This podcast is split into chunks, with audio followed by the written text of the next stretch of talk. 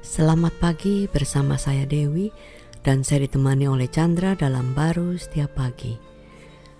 Lukas 15 ayat 20 dikatakan, Maka bangkitlah ia dan pergi kepada bapaknya. Ketika ia masih jauh, ayahnya telah melihatnya, lalu tergeraklah hatinya oleh belas kasihan. Ayahnya itu berlari mendapatkan dia lalu merangkul dan mencium dia. Wah ini kan uh, cerita klasik ya yang sering kita dengar di mana uh, anak bungsu itu sudah membuat kesalahan yang luar biasa, meninggalkan rumahnya tetapi ayahnya itu menerimanya dengan satu kelegaan hati dan uh, lapang dada gitu kan.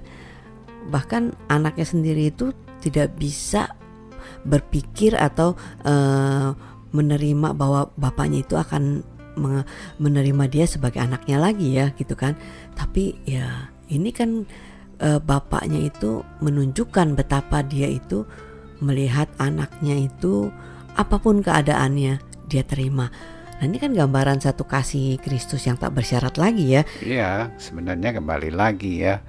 Kita pikir uh, si bungsu yang uh, perbuatannya yang begitu bejatnya, saya sih nggak begitu pikirnya gitu. Padahal itu gambaran setiap kehidupan manusia yang sudah tidak bisa lepas lagi dari ikatan dosa itu ya kan uh, tapi dia uh, uh, kasihnya bapak itu kan kan nggak berhenti hmm. uh, terus ya kan menantikan si bungsu itu untuk menyadari sekalipun bapaknya tahu kan bahwa pasti anaknya ini akan mengalami uh, kesulitan kan gitu ya sebenarnya kesulitan yang dialami itu dibandingkan dengan kemuliaan dengan mengenal kasihnya dia itu akan membawa satu kekekalan hidup dia. Hmm. Uh, dia bisa aja sepertinya dia nggak sulit tapi nggak menemukan kasihnya. Tetap aja dia mati dan tetap hmm. aja dia hilang. Wow. Ya itu intinya sebenarnya bapaknya itu tidak ingin dia mengalami uh, sejauh itu ya. Tapi hmm. kasih bapak ini ya nggak digoyahkan kan hmm. dengan batasan-batasan kelakuan dan perbuatan itu. anaknya. Ya kalau kalau kita bayangkan ya itu luar biasa kan dia sudah uh, apa habiskan segala harta yang dia diberikan. Bahkan uh, baunya itu loh. Dia datang kan baunya itu dari kandang babi gitu kan. Betul. Uh, bapaknya udah nggak mikirin lagi itu. Dia datang berlari dan dipeluk dan dicium lagi kan.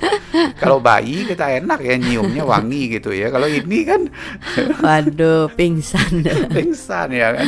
Uh, itulah menunjukkan besarnya kasih Tuhan melampaui batasan diri kita ngelihat dia ngelihat diri dia aja udah nggak bisa kan hmm. berpikir seperti itu apalagi orang lain orang hmm. lain berpikirnya harus dihukum itu Sudah, sudah keterlaluan sekali iya, supaya ada penyesalan ya, ya kan? ya itu umum-umum aja semua orang akan bolak-balik seperti itu kan hmm. di bawah hmm. penghukuman tapi kalau kita sadarkan kasih Bapak itu dia bukan saja peluk dan cium dia pulihkan kembali.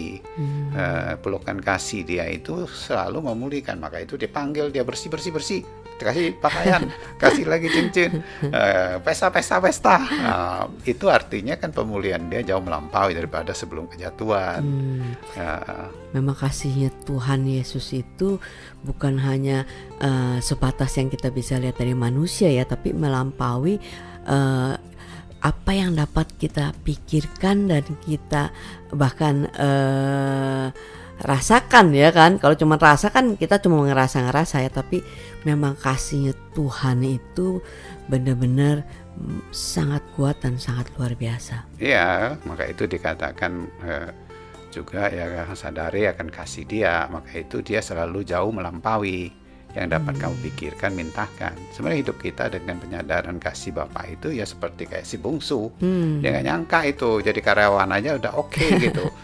Dipulihkan jauh lebih melampaui. Itulah oh. sebenarnya realitas kehidupan kita yang sebenar dan selamanya. Amin. Cuma kita terbawa aja dengan fakta-fakta hidup ini sehingga kita berpikir di mana Tuhannya, di mana Bapaknya. Hmm. Nggak begitu. Amin. Amin.